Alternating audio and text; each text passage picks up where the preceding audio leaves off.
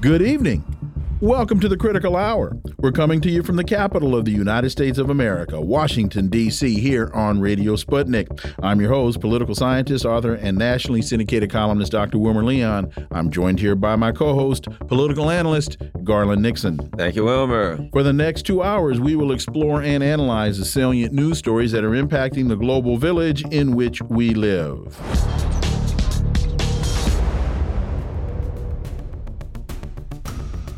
Asia Times has a very interesting and telling article entitled 77% of U.S. youth are unqualified for military service.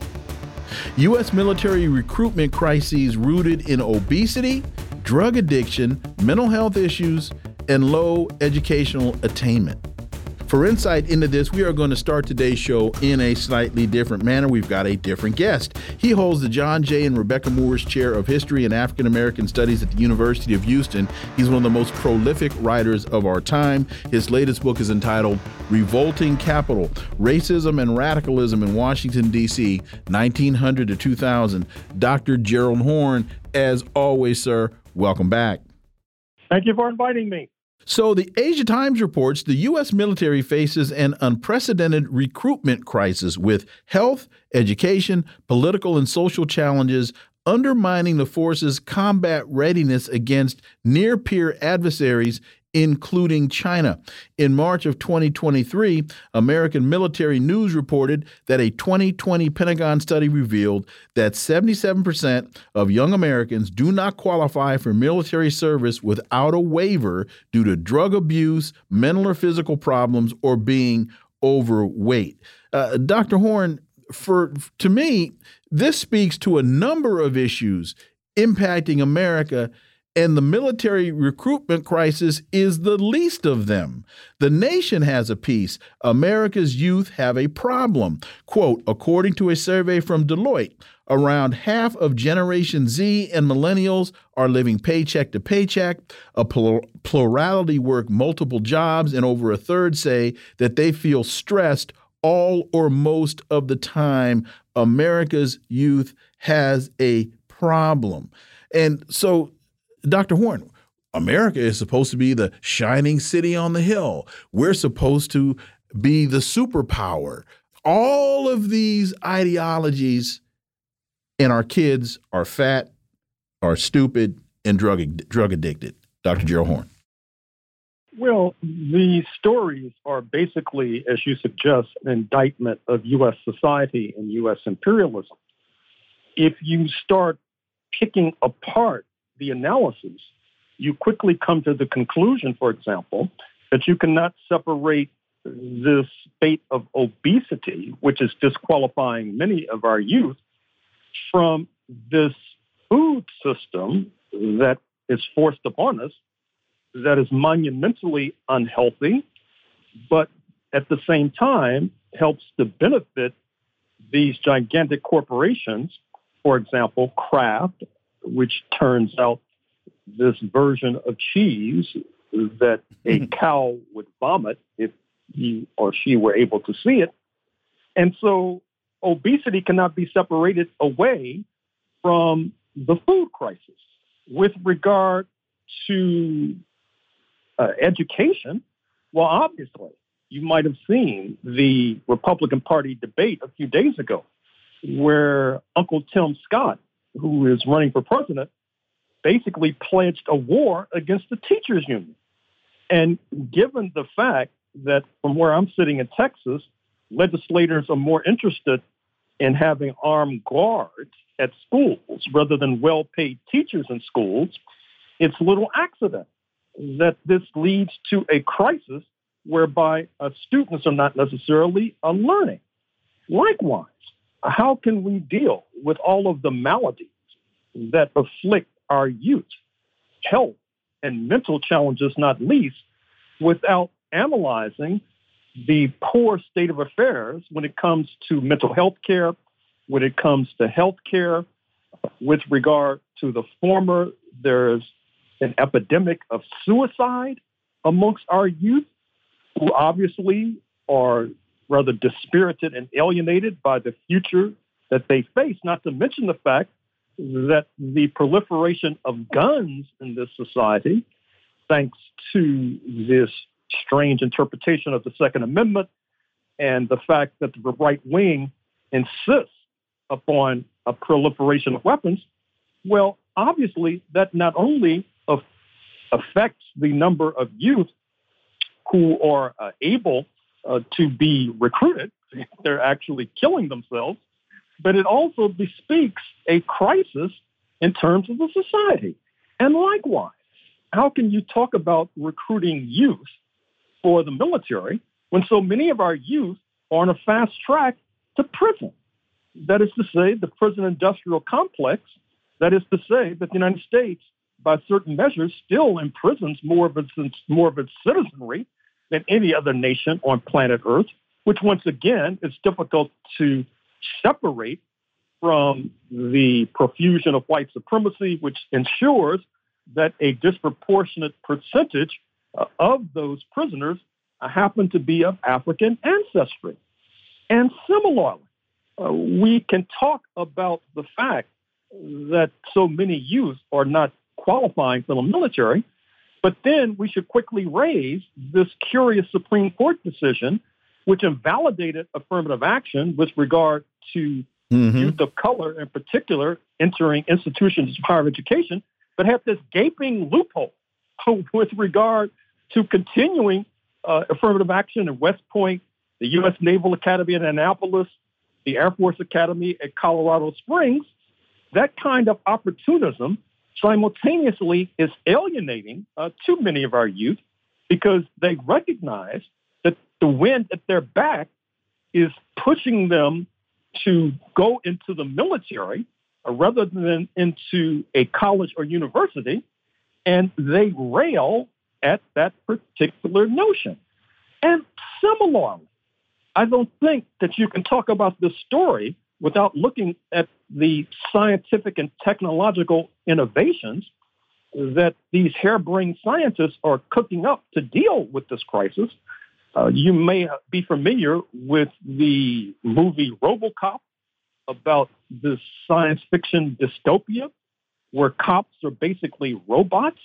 Well, keep in mind that there is likely research in the United States that will lead to an army of robots, even though putatively that violates international law, just as we have drone warfare unfolding on the battlefields of Eastern Europe, not least because of the scientific and technological, quote, innovations, unquote, that have been unleashed uh, by Uncle Sam. And similarly, uh, we also need to realize that this present escapade in Ukraine just referenced, it's difficult to separate that escapade where the United States is seeking to fight Russia to the last Ukrainian from the fact that the United States, increasingly, as this story suggests, is not able to recruit soldiers, even if they wanted to commit them to the battlefields of Ukraine. And similarly, I'm afraid to say that this story also points to another issue, which is that in recent years, the United States has encouraged a certain kind of immigration if the immigrants so targeted volunteer to go into the U.S. military. And so this too is rather troubling. This too is rather alienating. And obviously, what we're talking about is not a crisis necessarily of youth. We're talking about a crisis of U.S. imperialism. I'm going to uh, take something from this story and add it to another story that we have. So they say the protracted U.S. wars in Afghanistan and Iraq, and this is interesting, followed by the disastrous 2021 U.S. withdrawal, as if the withdrawal was the problem and not the entrance into Afghanistan, may have engendered a sense of pessimism in the U.S. and policy, public and policy making circles, damaging U.S. society's perception of the U.S. military. It certainly sounds like they're talking about U.S. imperialism as being a significant problem. And add that that to another story we have Jake Sullivan and the unavoidable destruction of Western civilization. Putting together, people don't want to go into the military, but if you look at U.S. imperialism, how blatant it's been, how over the top it's been, even in recent years, since the particularly since the war on terror, the effect that that's had. Put that all together. Your thoughts, Dr. Horne? Well, an analyst or commentator more charitable than myself would probably have a scintilla of sympathy for Jake Sullivan. What I mean by that is, as we analyze the global scene, that is to say, the rise of China, the intractability of Russia when it comes to being unwilling, to put it mildly, to surrender to U.S. imperialism, Jake Sullivan faces a real challenge because what he's trying to do is recreate 1945, 1946, when the United States was striding the world like a colossus, where because of the sacrifice of the Soviet Union in the first instance, Nazi Germany was defeated, but then Germany itself was flat on its back. Japan, the other competitor, had been subjected to atomic bombing, from which it took a few years to recover. And that is the kind of nostalgia for the so called good old days. That is to say, embodied and embedded in the slogan, Make America Great Again, that Jake Sullivan, the U.S. National Security Advisor, is trying to keep up with, is trying to replicate. But alas, uh, that is a fool's errand. Uh, it's bound to end in tears.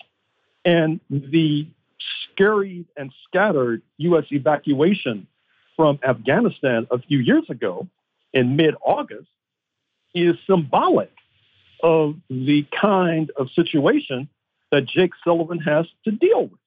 And so now you see he is accompanying his supervisor, that is to say, Joseph R. Biden, to New Delhi and to Vietnam, raising Vietnam, where the United States seeks to tighten what it sees as an alliance with Vietnam in order to further encircle China. Obviously, it raises searching questions, which I'm not sure the media will deal with, about the futility and the rationale for the war on Vietnam, uh, culminating ingloriously, like the war in Afghanistan, this time in 1975, uh, with tens of thousands of U.S. soldiers uh, in their graves. A memorial in Washington, D.C. helps to recollect or help us to recount uh, their ultimate sacrifice, but of course, there's no memorial to the millions, perhaps, that perished in Vietnam. And so this connects to the previous story insofar as one does not have to be a historian to recognize that there is a penchant and proclivity for these masters of war in Washington to commit the flower of youth to failing bloody missions by which they come back home in body bags and to top it all off, you have these nincompoops like Jeff, uh, Jake Sullivan, then continually promoted, failing upwards until they reach the next catastrophe. Is there little wonder why our youth do not want to commit to a system like that? I want to clarify or follow up on two things and then get to the next story. One is you mentioned Kraft creating cheese that would make cows vomit. It's very interesting that you said that because a number of years ago, I was in the grocery store buying some um, cold cuts and whatnot, and I saw on a package of Kraft cheese sliced singles, it said, it didn't say cheese, it said cheese food. And so I wonder what in the world is cheese? What's the difference between? So I finally found out that cheese food is only 50% cheese and it's 50% other ingredients. So just so people will have a clarity, clarity, clarity on what you meant when you said that. And the other thing, when we look at 77% of American students not being fit for military service, this might be a bit facetious, but it all that I think that reality provides clarity about why we'll fight in Ukraine till the last Ukrainian dies and why we're looking for ECOWAS to go into Niger because we don't have the soldiers to do it. With all that being said, Pepe Escobar uh, has a piece in Press TV Iran's induction into BRICS group, a masterstroke of diplomacy. And uh, Pepe Escobar, he talks about how Russia and China brought Iran into the Shanghai Security Organization. And then through bringing them into the Shanghai Security Organization, they were then able to very simply move Iran into BRICS. And your thoughts on this broader strategy as we move from a unipolar to a multipolar world? Well, that story featuring Pepe Escobar is well taken, but let me also make a footnote to our food story. Uh, you may want to reference the fact that when the former U.S. President, uh, William Jefferson Clinton, was conducting his affair at the White House with Monica Lewinsky, he only stopped to take a call from a sugar lobby, who, of course, was a major donor to his electoral fortunes. And you cannot separate this obesity epidemic, which is afflicting our afflicting our youth, uh, from the proliferation of sugar. Uh, mm-hmm. If you once again look at the food labels, you'll find fructose, a form of sugar, in virtually everything, including vitamins. Believe it or not, people buy vitamins in order to stay healthy, not reading the label recognize they're having a dose of sugar. Now, with regard to the story concerning Iran, uh, we should pay careful and close attention to U.S. relations with Iran right now. I say that not only because U.S. the U.S. Navy is harassing its Iranian counterparts right now as we speak in the Persian Gulf, but also United States is still seeking to encircle Iran, this time by having some sort of entente between Israel and Saudi Arabia, which then they will try to flip Saudi Arabia out of its entente that Pepe Escobar mentions with Iran and bring it back into the fold of Uncle Sam. Now, I don't think that that will necessarily work. One, I don't think it necessarily will be to the material interests of Saudi Arabia, which is now joined with the hip in, with Iran in BRICS, which of course was a diplomatic masterstroke helping to forestall this further and future encirclement of Iran. But secondly, Iran and Saudi Arabia uh, have an interest in making sure that the price of a barrel of oil, oil does not fall precipitously, generating revenue, particularly for Iran, so that it can help to confront uh, many pressing domestic problems. And so, once again, we see the spectacle of President Joseph R. Biden uh, in New Delhi uh, seeking to weld various alliances against Russia, against China, against Iran. Obviously, he slept through the course on Diplomacy 101, where it suggests that you take on uh, one superpower at a time. And certainly you don't take on two superpowers and a superpower in waiting, speaking of Russia, China, and Iran, because all you do is force them into an overarching alliance targeting yourself. Uh, Mr. Biden really needs a refresher course. And we've got just about a minute left. Kissinger lied. U.S. CIA orchestrated 73 Chile coup. We got one minute. Well, this is a story that hits home uh, I'm not as young as I look. And believe it or not, I was in Chile before September 11th, 1973, when a U.S. sponsored coup d'etat by the Chilean military was engineered. I was well aware of the U.S. interference in the internal affairs of that socialist oriented regime led by Salvador Allende. I knew that months before that coup, that President Fidel Castro himself, believe it or not, has spent about three weeks in Chile counseling the comrades there, seeking to forestall the coup that we all knew was coming. Mm. And likewise, the idea that Washington would make the Chilean economy scream is still their strategy that they're now seeking to export to Iran, to Zimbabwe, and other points too numerous to mention. Dr. Gerald Horne, as always, thank you so much for your time. Really appreciate that analysis. Enjoy your weekend, and we look forward to having you back. Thank you.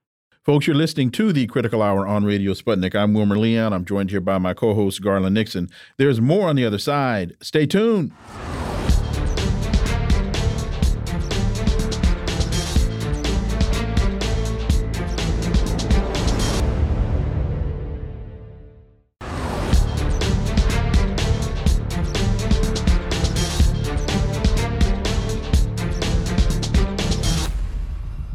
We are back, and you're listening to the Critical Hour on Radio Sputnik. I'm Wilmer Leon, joined here by my co host, Garland Nixon. Thank you, Wilmer. Orinoco Tribune has a piece entitled Signs of Recession in U.S. Job Offers Continue to Fall. The U.S. is projected to be on the verge of a recession, and some experts warn that economic players have to be prepared to face it. This is according to the latest data released by the U.S. Bureau of Labor Statistics. For insight into this, let's turn to our next guest. He holds a PhD in political economy, taught economics at St. Mary's College in California. He's the author of a number of books, including The Scourge of Neoliberalism U.S. Economic Policy from Reagan to Trump. Dr. Jack Rasmus, as always, welcome back. Always glad to join you guys.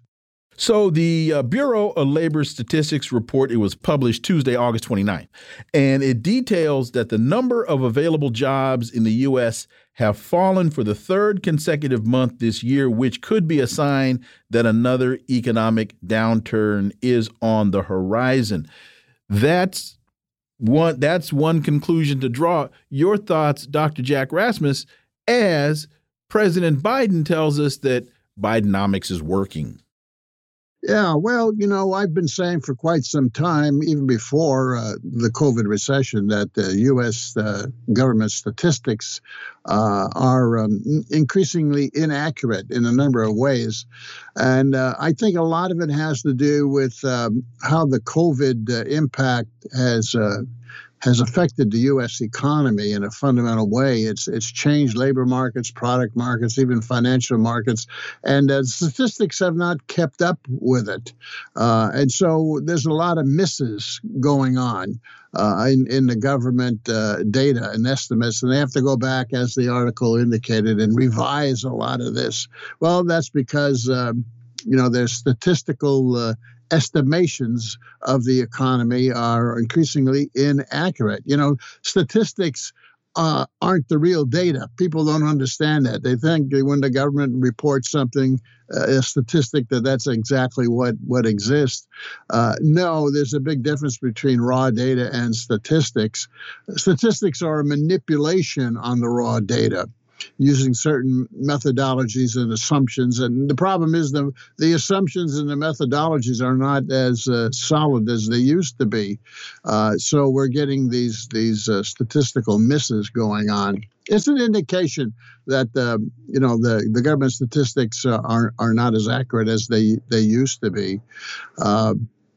How much uh, inaccurate? Well, it depends on uh, what sector you're you're talking about. You know, whether you're talking about the goods sector, manufacturing, uh, housing, whatever, or services, etc.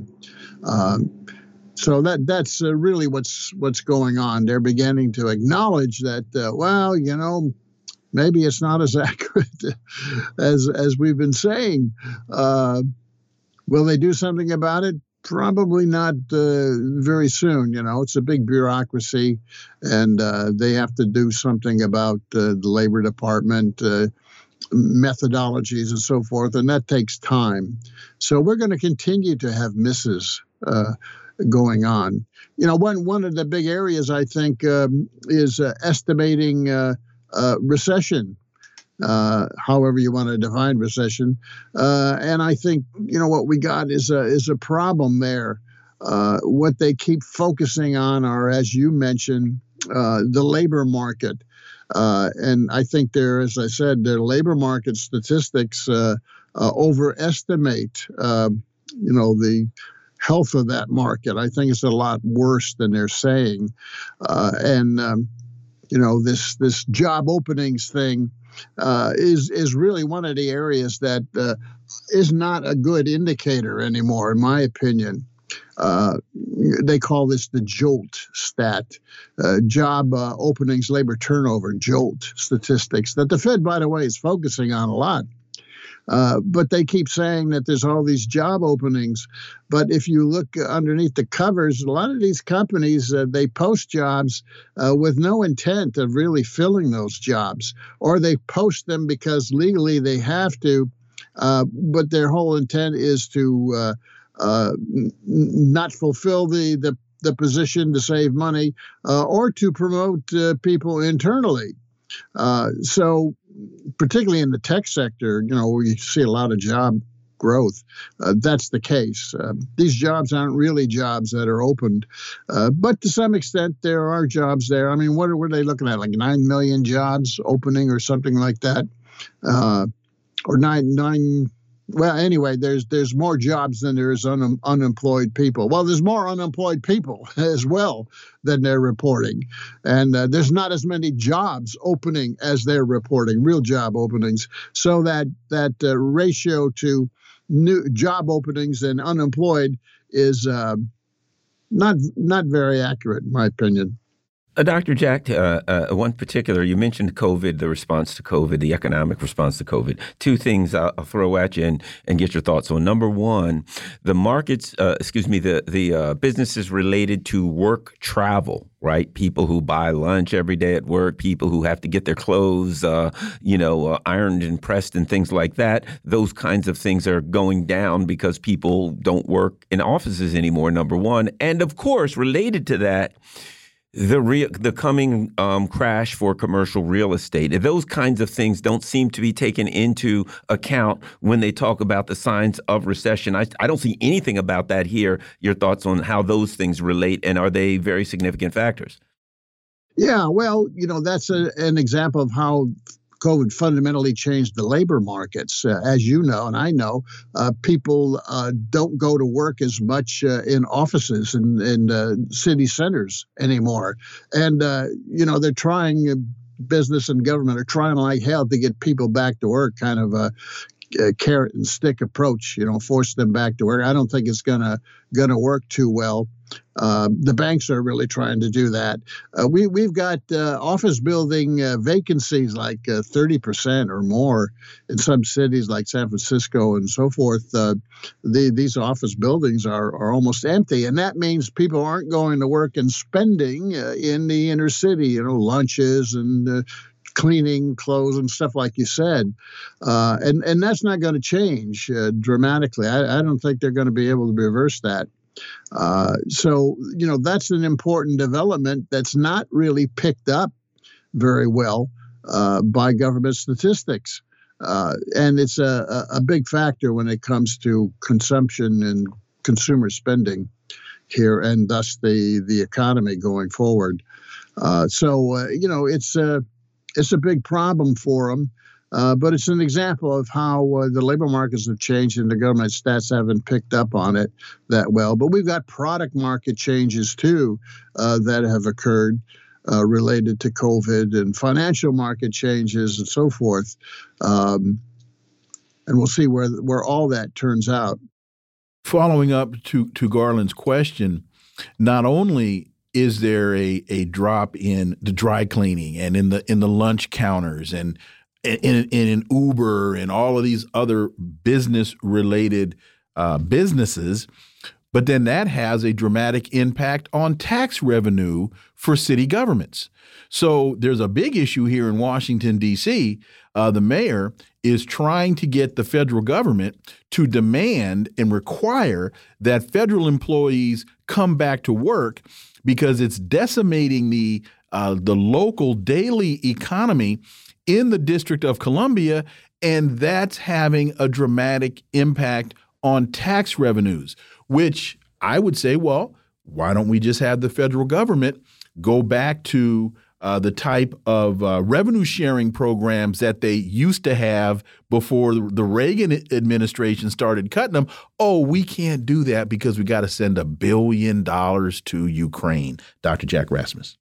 Yeah, well, you know, uh, that's going on not just in Washington, D.C., but all the major cities. Mm-hmm. Uh, it happens to be government because it's Washington, D.C. is heavily right. government uh, focused, but uh, that, that problem is uh, being repeated everywhere. You know, and there's another dimension I, I, I don't think that thinking about that much. Uh, if you take San Francisco, there's a big exodus of all kinds of businesses, some very large businesses leaving San Francisco. Mm-hmm. And part of the problem is uh, petty crime. Exactly. Uh, increase going on, and and that's true everywhere. Uh, you know, crime of property, you know, shoplifting and mm-hmm. so forth going on. Uh, so uh, businesses are taking the opportunity to uh, to leave. Uh, and, and, it's a real problem in San Francisco and in other cities as well, I, I, presume. But you know why? Why is that? Well, because during COVID, I think part of the explanation is during COVID, uh, we had a, a, whole generation of teenagers uh, who didn't go to school.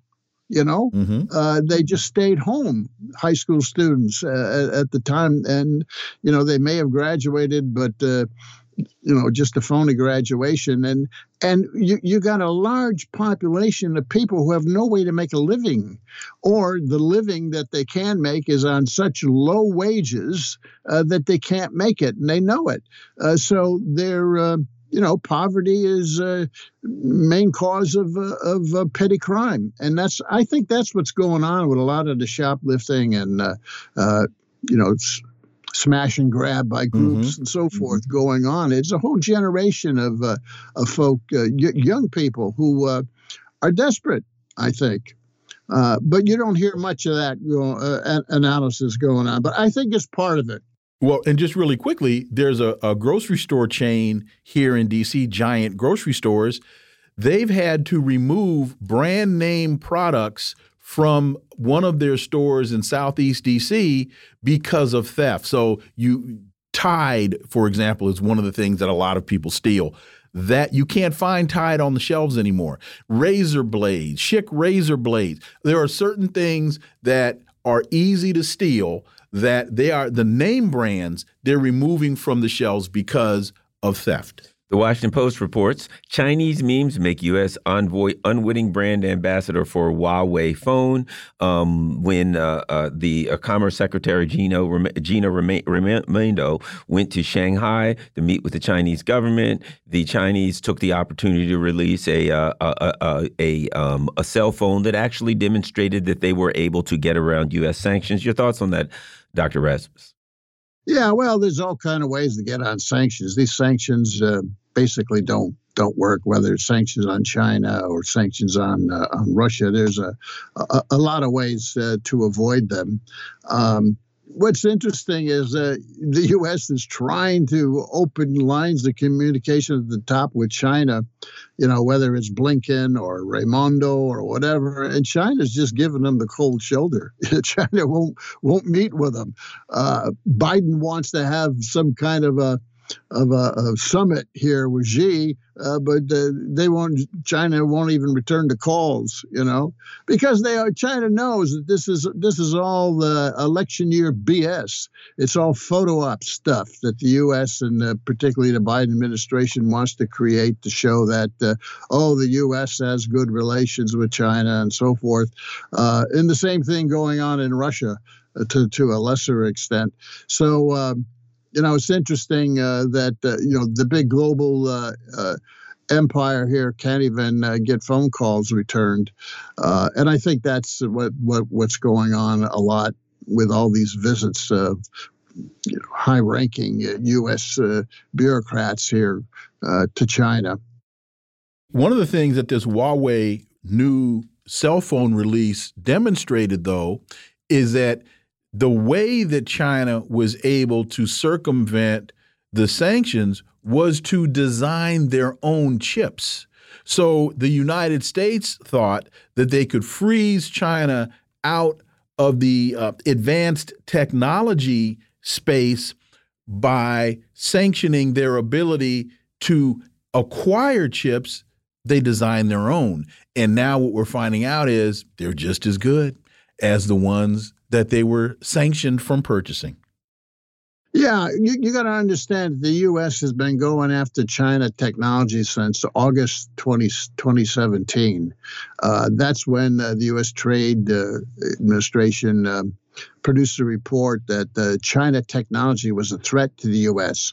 You know, like cybersecurity, 5G, uh, which is Huawei, uh, and artificial intelligence. And, and, these, as I've been writing for some time, are um, uh, military technology. Technology is key, key for, for, for military development. Uh, and the U.S. Uh, under Trump tried to stop China's development of next gen technologies uh, using trade. Uh, the trade war, the Trump trade war, it failed, of course. And now you got Biden. and What Biden is trying to do is just uh, embargo and uh, prevent China from accessing uh, technology, slow them down somehow. Uh, because in some areas, China AI is ahead of the U.S., and the U.S. is quite worried about that. Um, so, you know, what you got going going here is uh, the U.S. Uh, trying uh, under Biden, trying to stop China technology development by other means, by more direct means. You know, trying to get U.S. companies out of uh, China, which isn't working too well, uh, and uh, giving subsidies. You know, that's what the chip, uh, the 480 billion uh, chip in um, science act was all about. That's that's a, a, bribery slush fund that the U.S. is using to uh, finance the relocation costs of U.S. and other companies, you know, in Asia who want to come back, come to the U.S. like TSMC here in uh, in Taiwan, the big semiconductor company. The U.S. is trying to lure these companies back uh, as a way of uh, preventing China having access uh, to developing new technology, but it's not working, like you say. Uh, when when you've got a, a, country like China, which is issuing as many technology patents as the U.S., uh, that means that they have a, a technical science base uh, that's competitive with the U.S. and um, they can develop their own chips. And it's also a way, you know, they announced they're having their their own uh, uh, iPhone. They're throwing, uh, trying to throw um, Apple out of China and replace, it. I think the company is Baidu here, uh, an iPhone just as good. Well, that's a way of putting pressure on U.S. companies to put pressure on the Biden administration. And I think the whole Biden uh, strategy here of, of direct uh, boycotts and embargoes and sanctions is going to fail just as Trump's uh, trade focused strategy uh, failed here. German car industry. The future of Germany's car production is at risk due to toxic energy prices. This is according to Hildegard Mueller, the president of the Association of the Automotive Industry. Hmm, sounds like that Russian, uh, cheap Russian energy is coming back to haunt them. Your thoughts? We got about three minutes. Yeah, very definitely. Uh, you know, there's even talk of deindustrialization of, Ch- of Germany. you know, uh, and and by the way, that's related to these uh, initiatives of the Biden administration. You know, and and this big slush fund, bribery slush fund. Uh, German companies uh, aren't reinvesting in Germany; they're moving to the U.S. You know, I mean, if the it's so obvious that the U.S. is is really uh, um, what's the what's the word devastating uh, Europe's economy to make it more dependent on the U.S., especially Germany. You know, increasingly Germany is going to be dependent on the U.S. economy, and if that's true, you can control the German elites. You know, Scholz and others here to get them to do what you want politically. Uh, it, it's a fact that the U.S. energy uh, companies have uh, moved into the vacuum now that they drove the, the Russians out and are charging the Europeans, especially the Germans, uh, uh, more, in some cases, twice and three times what they paid for Russian energy, you know? Uh, well, that's uh, upsetting the whole German uh, economy, really. Germany's in recession now, and uh, so is the UK, or they say it's just about flat. Well, that means they're in recession. Uh, Europe's slipping in, into recession. It's a real weak link uh, in the in the global capitalist economy right now, and it's it's having political uh, reverberations. We see that the right wing AFD party now is the second largest party. Mm-hmm. Well, that's because the German people are are really upset with what's going on economically.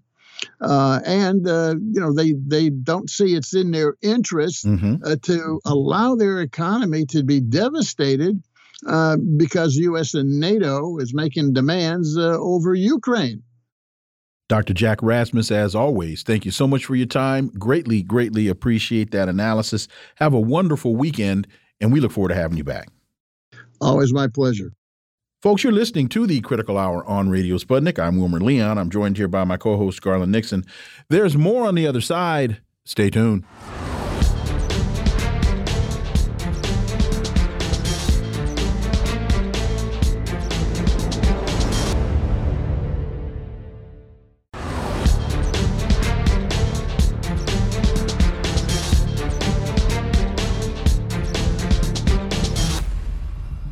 We are back, and you're listening to the Critical Hour on Radio Sputnik. I'm Wilmer Leon, joined here by my co host, Garland Nixon. Thank you, Wilmer.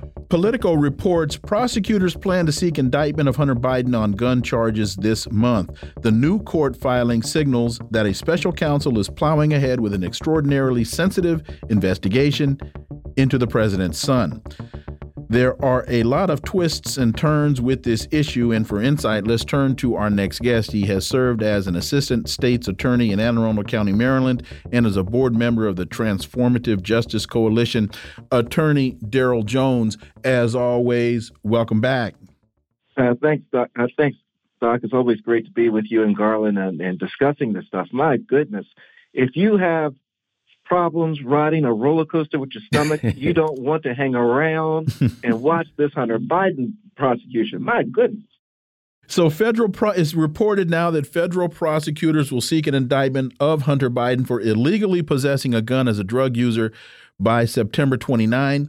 According to a new court filing this past Wednesday, Biden is expected to be charged in Delaware with felony counts related to his purchase of a gun on October of 2018. At the time, he has said he he he has said he was regularly using cocaine. Prosecutors said last month that they also plan to charge him with tax crimes in California or Washington D.C a couple of things. One, help me out here because his attorney, Abbe Lowell, says, well, yeah, he, he had the gun, but he only had it for a couple of days. So this really doesn't matter. And he's all Abbe Lowell is also on record saying, look, we cut a deal with the prosecutor here, and the judge uh, vacated the deal. So we still have a deal. Daryl, help me out here. I'm thinking that Abbe Lowell is being a bit disingenuous or uh, intellectually dishonest here. Yeah, I, th there's a lot to unfold here uh, with the Hunter Biden indictment uh, series, if you will. Uh, and, and as you've indicated, you know, it, it was completely accurate when the accusation was made that Hunter Biden was getting a sweetheart deal because you know under the federal law if you are a drug user or have drugs in your possession that you're not allowed to own or possess a firearm and, and he did and that's a felony under federal law. In fact, really quickly, when you go in to purchase a firearm, there is a form that you have to fill out and there's a box that you have to check certifying that you are not, in fact, using drugs. Right, absolutely, absolutely. So, you know, on its face, you know, the felony hand possession charge, the handgun possession charge that was there applies. So what then happens is they negotiate the felony away and put it on what they call a diversionary docket, meaning that you know they're going to proceed on the misdemeanor tax charges, but the more serious felony charge they're going to put on the shelf and just forget about it, provided that he stays clean for some, whatever period of time and out of trouble. Well, you know, everything begins to unfold when they go before the judge, right? They go before the judge and they're laying out the two misdemeanor tax crimes that he's entering a plea to and this diversionary thing. But then what becomes uh, exposed is that there's been this agreement that's been reached with regards to uh, immunity for any other crimes that Hunter Biden could be accused of at that point in time. And when the judge begins to inquire as to what does this term mean when you're saying that he has immunity, is it forever? What immunity does he have? I don't understand it from the document that you've presented. And this is where the lights come on and the covers come off the bed. Because the prosecutor then says, well, he's under investigation for some lobbying crimes, and that's not covered by this agreement and by uh, the, the, any other crimes that he may have committed. And what uh, Lowell then says that no, no, no, you know, th- that would be covered. And then as that disagreement reaches a peak, Abbe Lowell then says on the court record, well, then we don't have an agreement. And that's where it initially breaks down. Mm. So it's interesting now at this point because, you know, where we are now is that uh, uh, uh Garland, Merrick Garland has given um, the prosecutor, David Weiss, the ability, a Trump appointee, the ability now to be called a special counsel and, and to be able to go wherever in the country he can find crimes with Hunter Biden. And, and that's what he's doing. Of course, one would ask, why didn't he always have that ability? But that's where he is now. And so the question becomes, is he immune uh, based on that agreement or not? And, you know, I, I certainly would argue that when his attorney said on the record there is no agreement. It all broke down there, and he becomes open to any any charge that they find uh, that he's committed. He becomes culpable. Let, let me ask one quick question there. So the prosecutor and Abbe Lowell, the defense counsel, they reached an agreement. But doesn't that agreement still have to go before a judge and be approved by a judge before it can be uh, considered valid? Well, there, there are uh, two different types of agreements that can be reached. Okay. And one agreement is a is an agreement that's between the defense as well as the prosecution, uh, and that's you know what we call a non uh, ABA or American Bar Association binding agreement. It, they they agree. The judge can do, however, what he or she wants to do. And then there is what you're speaking of, which is an ABA binding agreement. Okay. Meaning that the judge, the court, uh, excuse me, the judge, the defense attorney, and the prosecutor all agree what's going to happen. And that was not the situation in this case, that it was not an ABA binding agreement where the judge is saying, I'm binding myself to something within this agreement. This was an agreement where the judge simply started asking questions about what they agreed to. And they were uh, unsure uh, of what they agreed to between the two of them. So arguably, there was no agreement at, at the beginning because you know the the uh, Biden's attorneys thought that uh, any crime he would have committed uh, that he was covered by well, what's it been going on for four years or something like that, whatever that t- time period of the investigation has been, that has been covered. With the Department of Justice and uh, David Weiss saying, no, that that's not so. That only covers you know what's here. We're, he's still under investigation.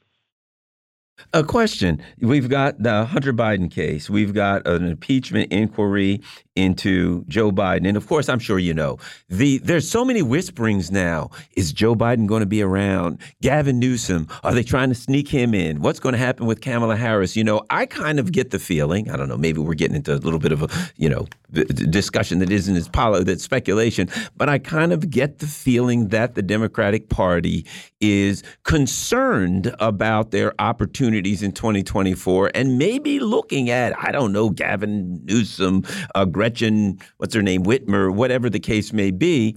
Um, what are your thoughts on that, if you have any?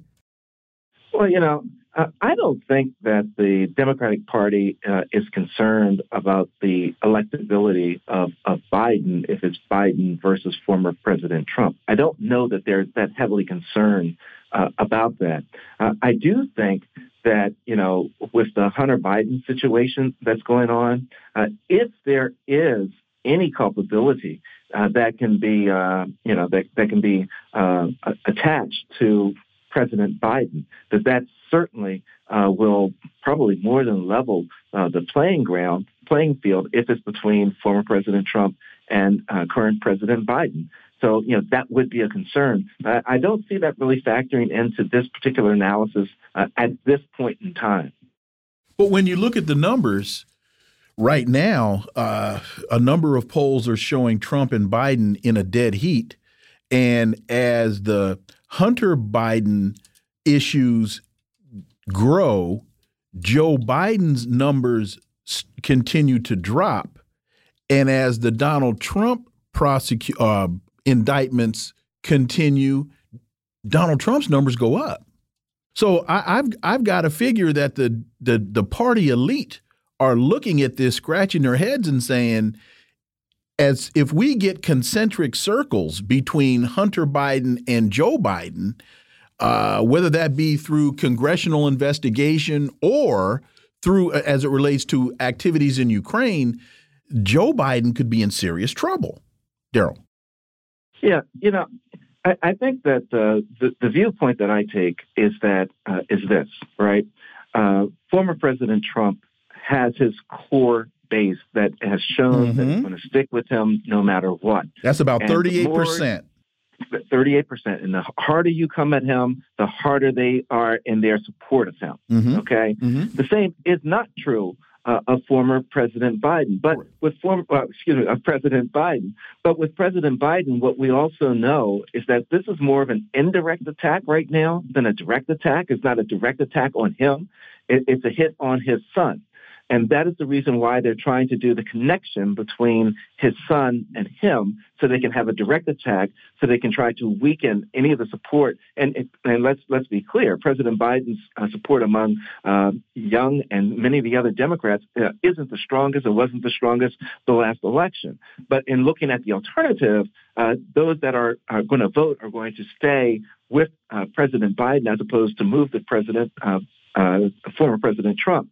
The interesting piece that's the pendulum, the, the swing piece in all of this will be the independents. Mm-hmm. And that's where I think you have to really take a look at that. And the independents right now are heavily against former President Trump because you know they see him uh, as a person that uh, has a whole bunch of legal trouble, and they don't want to go through uh, all of that uh, with a, with a president uh, that's that's in office. Ohio Supreme Court uh, dismisses challenges to a Republican drawn map ruled out unconstitutional. The uh, Ohio Supreme Court on Thursday dismissed two lawsuits challenging the state's congressional map, which was ruled unconstitutional last year as favoring Republicans, clearing the way for the map to be used, clearing the map to be used for next year's election. Your thoughts on this? Well, yeah, this is an interesting uh, situation when you start dealing with Ohio. Ohio has you know such a with a wild history anyway. But, you know, in 2018, you know, kudos to the voters in the state of Ohio because they passed a constitutional amendment that outlawed partisan gerrymandering in their state. Just an ideal thing to do. Let the people vote and let the uh, chips fall where they may. Well, but in 2021, then what happens is that there's a state Republican uh, lawmakers that passed the new congressional map, right? And uh, and from that map, you then had these 12 or 15 congressional seats that favored the Republicans, and then from there they go to this re- redistricting commission uh, that's supposed to redraw lines, and so.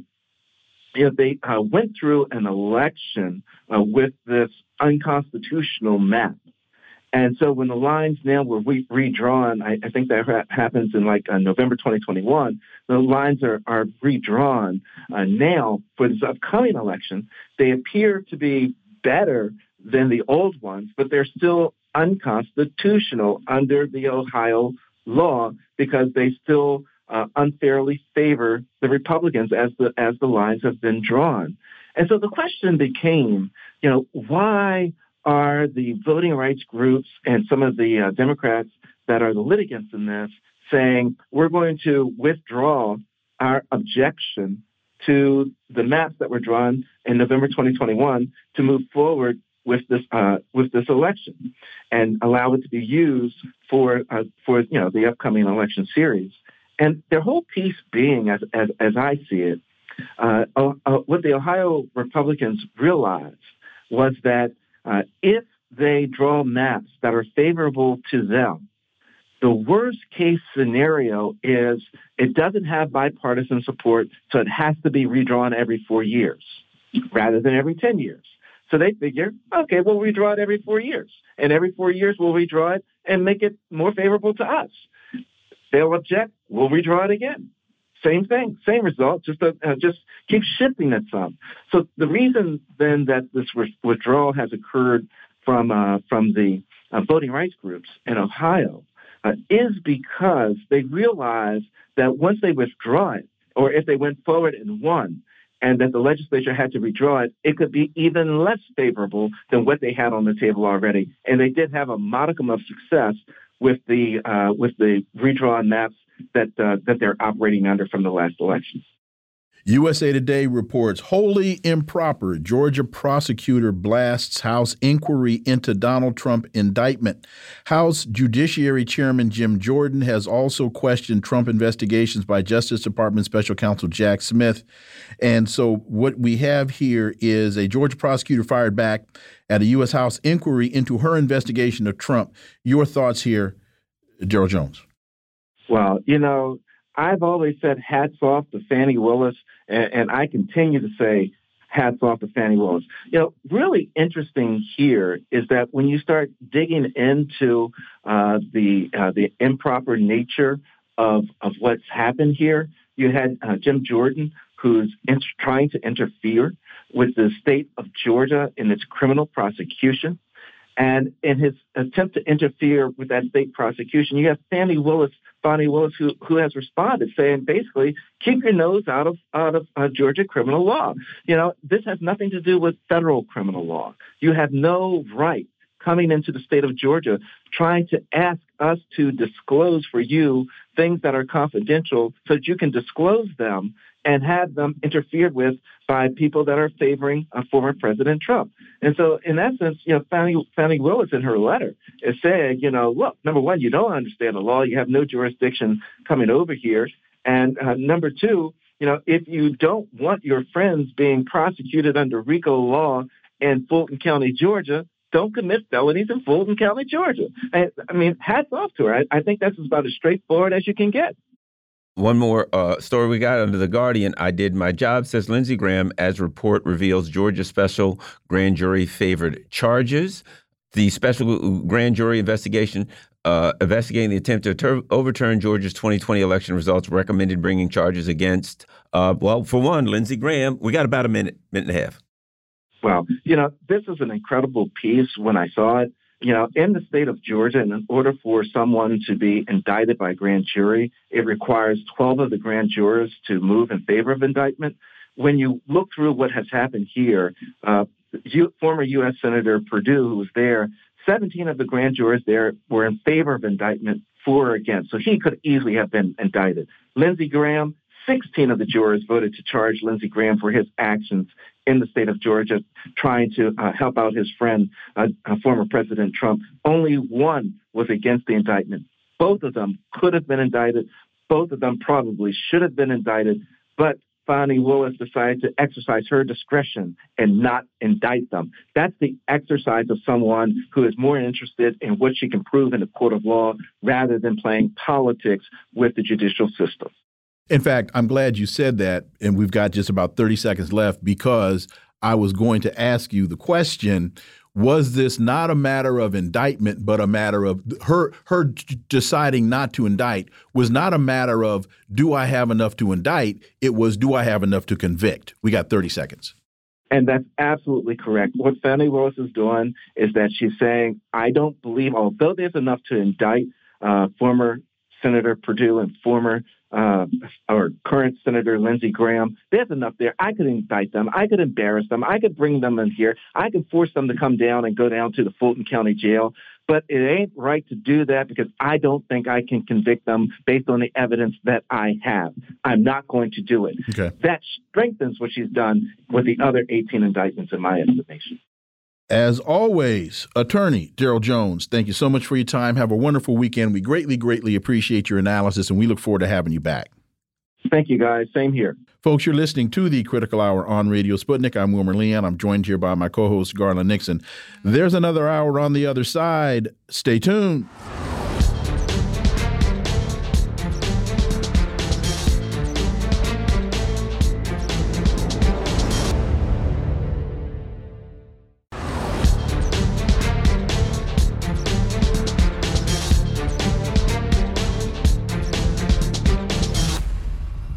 We are back, and you're listening to the Critical Hour on Radio Sputnik. I'm Wilmer Leon, joined here by my co host, Garland Nixon. Thank you, Wilmer. RT reports China plans to mediate Niger crisis. Beijing will play this role with total respect for other regional countries. Uh, Jiang Feng has said the Chinese government intends to play the role of good offices, a role of mediator, with full respect for the regional countries, according according to Jiang Feng, Beijing's ambassador uh, to Niamey. Th this was said on Monday. For insight into this, let's turn to our first panel. It's Friday, so that means it's panel time. We're joined by a member of the Black Alliance for Peace and Horn of Africa Pan Africans for Liberation and Solidarity, Yolian Ogbu. As always, Yolian, welcome back. Hi, both. Thanks for having me. We're also joined by the chair of the coordinating committee of the Black Alliance for Peace and editor and contributing columnist for Black Agenda Report and the Green Party candidate for vice president of the United States in 2016, Ajamu Baraka. As always, Ajamu, welcome back. Good to be here. Thank you. So, uh, Yolian, we'll start with you. Ambassador Feng stated that while China quote, stands with Nigerians, end quote, amid the political situation, it remains committed to its principle of non interference in the international affairs of other countries. Uh, your thoughts on this, especially in the context of China assisting in the rapprochement between the Saudis and Iran, as well as the U.S. fear of China's developing relationships with countries on the continent? Yolian. Yeah, I think I think it's interesting. I mean, whether China has a pretty large stake in the future of like uranium mining in Niger, whether that was the you know billion dollar oil uh, the pipeline project that folks were talking about, or even just the stake that they have in the ownership of some of the mining companies themselves. So China has a lot to lose depending on how things go between um, folks in Niger and the military uh, coup as well as ECOWAS. So I, I, can understand like why they're they're wanting to be involved in terms of mediating. I guess the question is like, what does that look like for China to be a quote neutral mediator that is um, respectful of like of the I guess transitional potential transitional government and ECOWAS. I, I'm not sure, or even with France. So I think that's a question that I've raised, but of course, China's kind of proven their ability to um, be a part of negotiations between two hostile countries towards each other. Not sure how this will fly with France, um, considering folks on the ground, the masses in Niger are just so anti um, France that I'm not sure how this could go in terms of like compromises being made. So those are kind of the questions I have. Your thoughts on this, uh, uh, uh, Jamu? And I always see China coming in here from a business perspective, negotiating and mediating from a business perspective, and not from from a militarism perspective. The United States. Uh, you know that's the United States game is is militarism. It, it, I go back to The Godfather and Sollozzo uh, saying to Tom Hagen, "Murder is so messy." Is bad for business. Your thoughts, Jamu Baraka? Yes. Well, I think that that is a very important element of it. That that there's for for for the Chinese to continue to pursue uh, their interests, uh, both on the African continent, continent and internationally, it requires some degree of stability. I mean, the Chinese are invested in the uh, proper workings of the international uh, economy, if you will. Uh, and so the kind of, of instability that we see uh, on the African continent as a consequence of the commitment on the part of the U.S. and Western powers to militarism in order to uh, maintain their hegemony and to, to, to engage in economic competition um, does not uh, uh, bode well for Chinese interests. So uh, this role that, that China increasingly uh, appears to be uh, playing in, in, various conflicts It's not something that I don't believe they really will really want to engage in. But because of the of the of the shift in power uh, the incredible loss of, of, prestige on the part of the U.S. Uh, and the Europeans, and the fact that the U.S. and the Europeans are are partisans in these conflicts. In fact, the initiators of these uh, conflicts.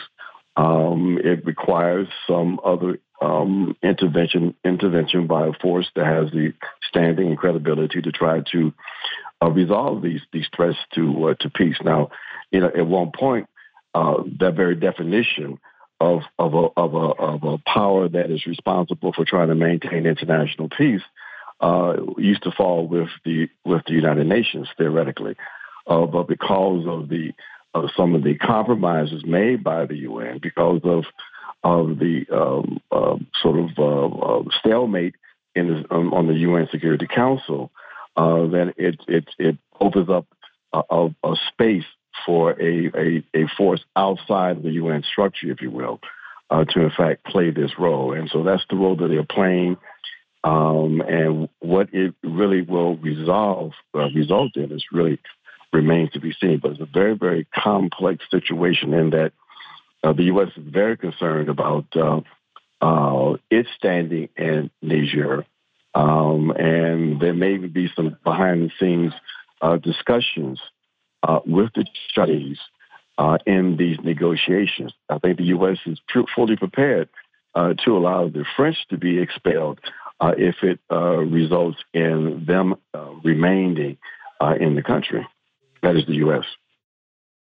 Yolian, also, it, it, creates a dilemma for U.S. imperialism and, uh, and French colonialism for this reason. If China comes in and Niger says, hey, okay, yeah, we, we, we want you to negotiate, then what Niger is saying, since we Niger is saying, since the there it certainly appears to be the reporting shows that the majority of the people in that country are in favor of the coup government, at least over the old government, which would mean democracy means the majority get what they want. China would, in fact, be negotiating on behalf of democracy, of independence, of sovereignty, all of the rhetoric that the U.S. and the EU uses is independence, sovereignty, democracy. That's another reason they hate China because China will create a dyna dynamic that exposes U.S. imperialism and French colonialism. They can't possibly negotiate or talk because they're immediately exposed. But wait a minute. That's also th that is the rhetoric that the United States uses as its excuse for intervention and overthrow. But when you read Xi's speeches and when you read Putin's speeches, that's the language, not the rhetoric. That's the language that they use. And that's what uh, the BRICS is all about.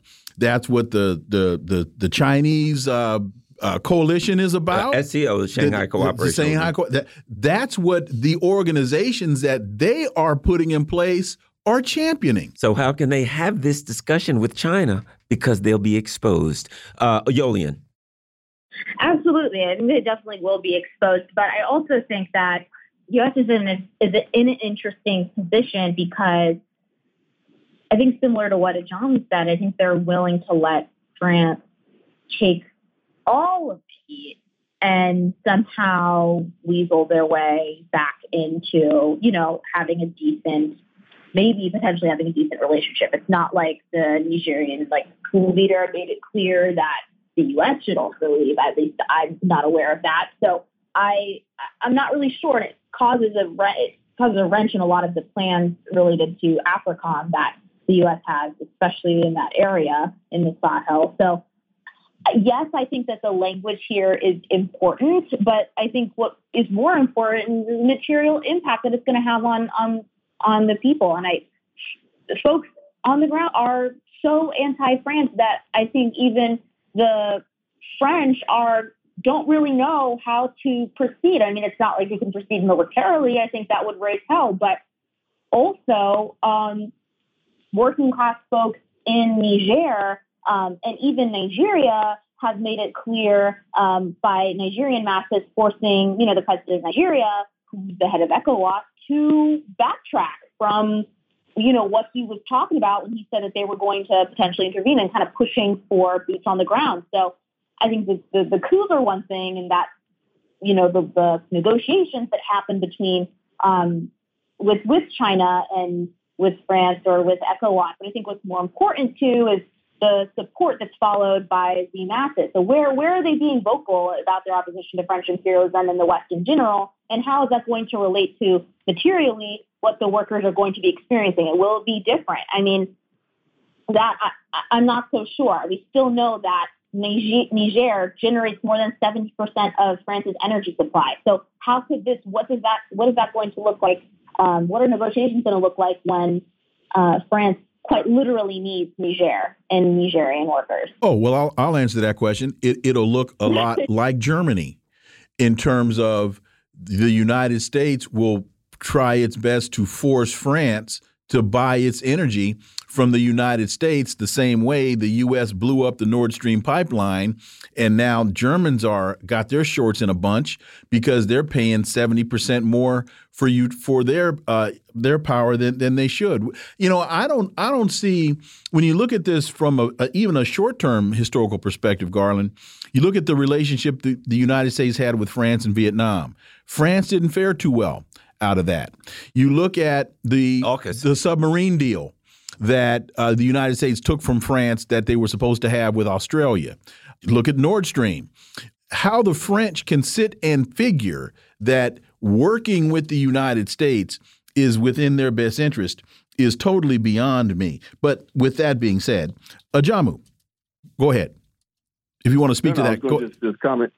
I was going to comment on that because that, that, that's a very important uh, lead into, I guess, your next question. But it, it, it's important that that that's that that's raised in that way or framed in that way because uh, is is beyond you and it's also beyond powerful capitalist elements in France. This this constant subordination of French interests uh, to the U.S. So domestically, it has uh, really uh, presented itself as a problem for the for the Macron government um, and for the masses in, in France because they see that uh, there's been a real uh, negative impact on the French being, uh, you know, not asserting themselves in French national interests.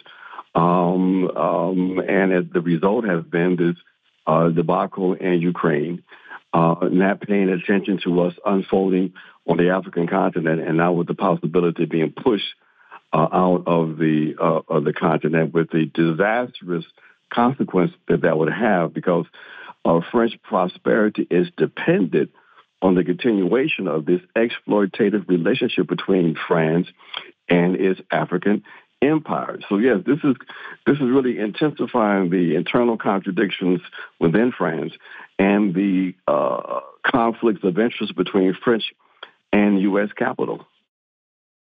When, when we think about the immediate aftermath of the coup, Nigeria said, You've got one week to put Bongo back in office, or we're coming in. Basically, get out of town by sundown. And that week passed and nothing happened. Then we started hearing ECOWAS saying, well, we're going to send in troops.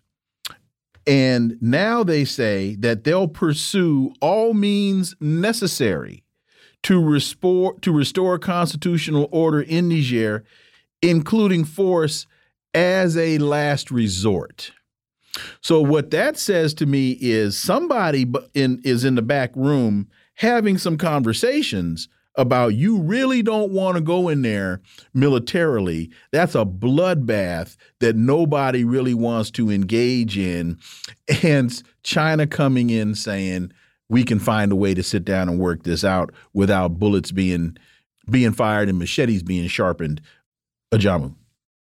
Well, look, yeah, and I, I don't. I think your your your analysis is, is correct, except for one piece of it. Mm -hmm. I don't think that they they're that concerned about a bloodbath. I, I think because there, there's a convergence of interest. Well, when you say they, the, who who would they be? they being the uh, the Western powers. Oh and, no no no! And their no my they my they is the ECOWAS countries. The the African countries know that that's a bloodbath. I, I wasn't I wasn't saying that the West was concerned about that. I'm saying the African leaders because I think they're looking at if they go into Niger they are saying, "There, but for the grace of God, go I."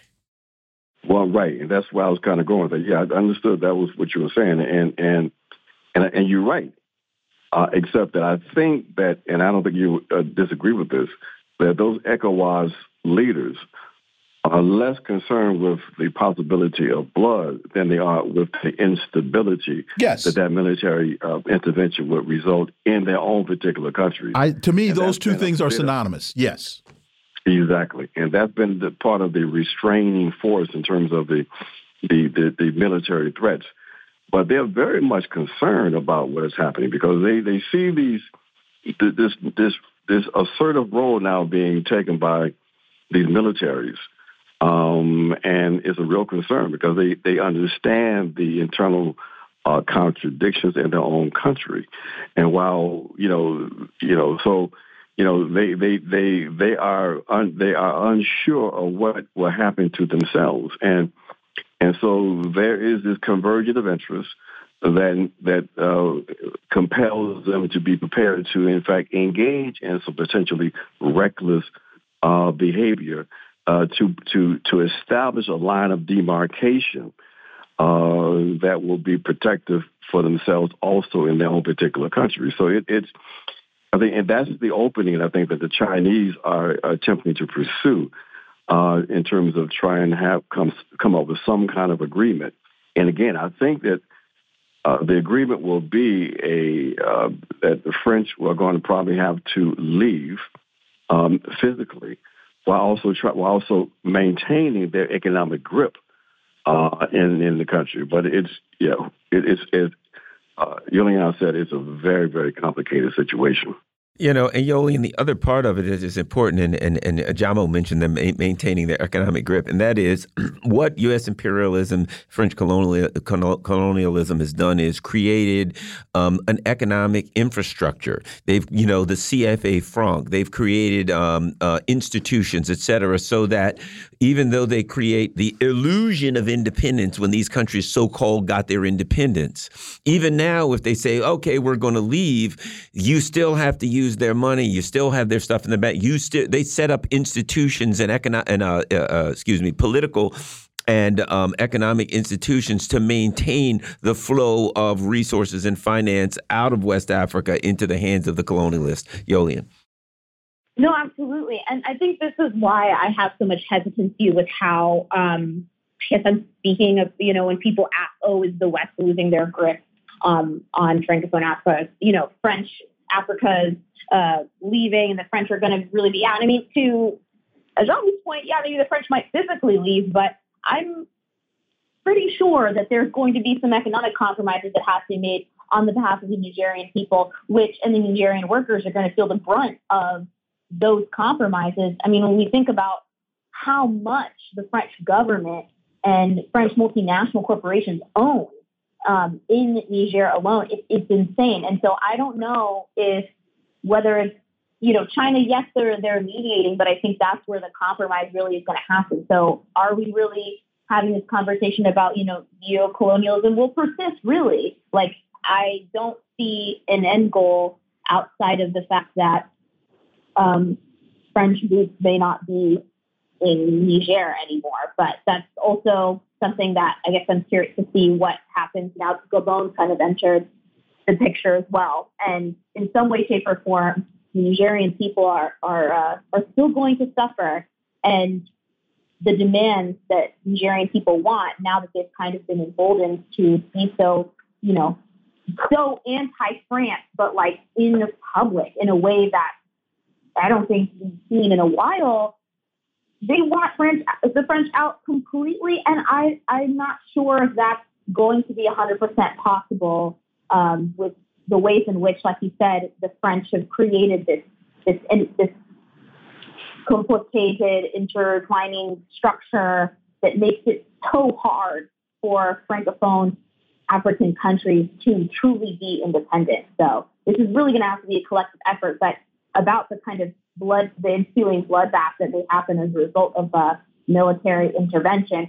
I think that's clear that the masses within the Sahel are, are very much against that, whether that's like I mentioned earlier, Nigerian masses wanting also being against that. I'm curious to see if um, ECOWAS will actually follow through with that, considering how negative of an impact that'll have um, on the people as well. And to that to that point, Ajamu, when you listen to the speeches by Ibrahim Traore from Burkina Faso, for example, and he talks about he and we've talked about this before, how he puts this in a generational context, and my generation isn't going to stand for this anymore, and we are not going to continue to allow ourselves to be enslaved. And why is it that all of our resources are being exploited, and we're one of the poorest nations uh, on the continent? All of that kind. So I'm wondering uh, to to Yolian's point about France, that some compromise being reached where France leaves physically but economically remains in place. Uh, well, that's that's neocolonialism. So where does where do the where does the ideology or the rhetoric of a Traore fit into all of this? Because I can't see the Nigerian saying, "Wow, we went through all of this for this." Ajamu. Yeah, well, that's going to be part of, of the political solution in, in Niger and really throughout the Sahel. And, and that is the, the, the, current relationship between those uh, states uh, and, and, and the French colonial uh, metropolitan power is going to have to be altered. What that might look like remains to be seen, but the, the people are demanding authentic um, national independence. And they know that there can be no independence when you can't even control your uh, monetary and fiscal policies. Uh, and so that that is going to be on the table. Uh, the uh, continued presence of these uh, French companies uh, in their countries will be on the table for negotiation. In other words, the the decolonization process that was somewhat arrested um, and, and with these French colonies will now uh, accelerate.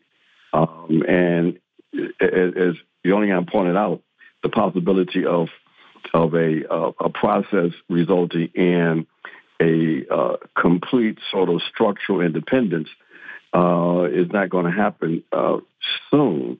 That's going to take a real uh, mm-hmm. sort of revolutionary change. We don't see those forces operating yet.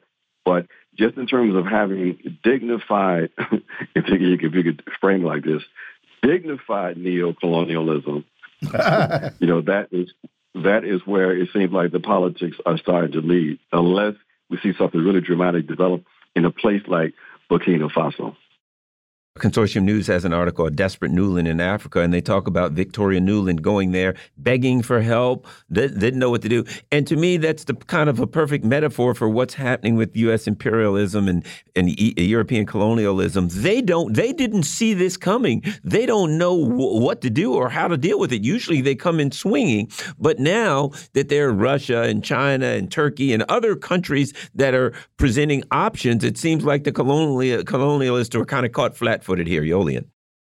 So, but to me, I think I, I, I'm seeing the U.S.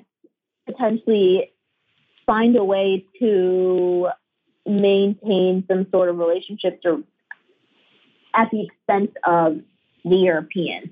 At least that's how I saw what you know how they interacted with um, the uh, situation going on in Niger and the Sahel. So yes, while you know someone like Nuland was so confused and didn't really know kind of how to act.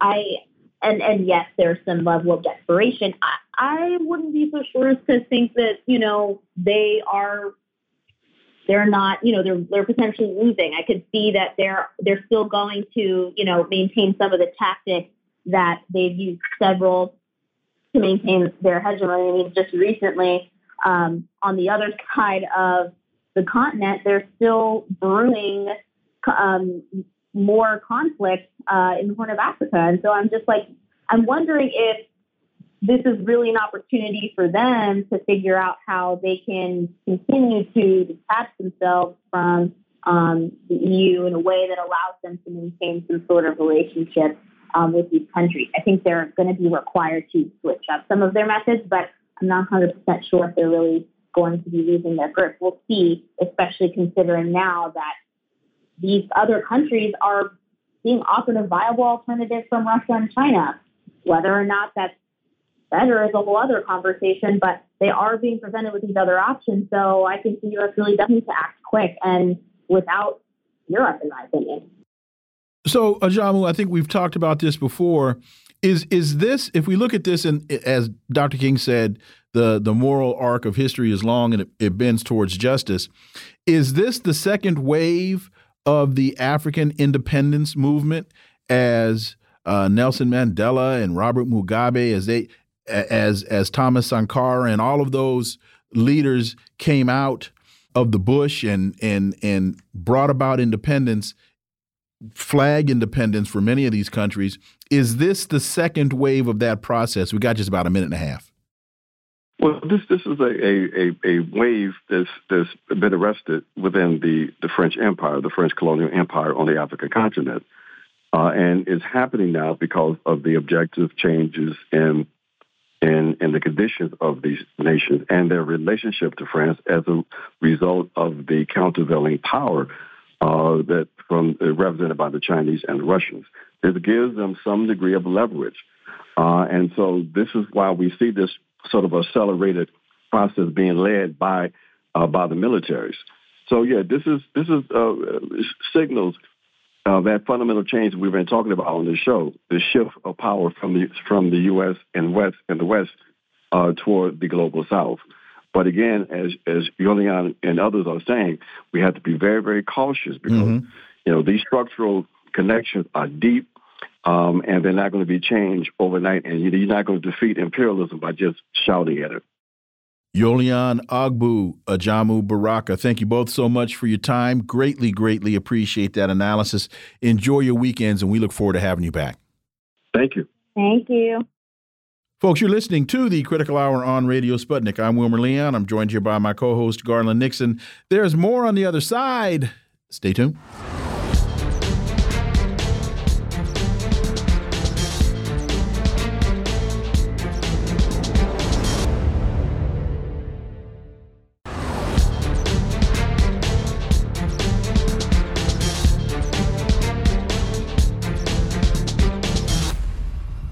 We are back, and you're listening to the Critical Hour on Radio Sputnik. I'm Wilmer Leon, joined here by my co host, Garland Nixon. Thank you, Wilmer. NBC reports Democratic elites struggle to get voters as excited about Biden as they are.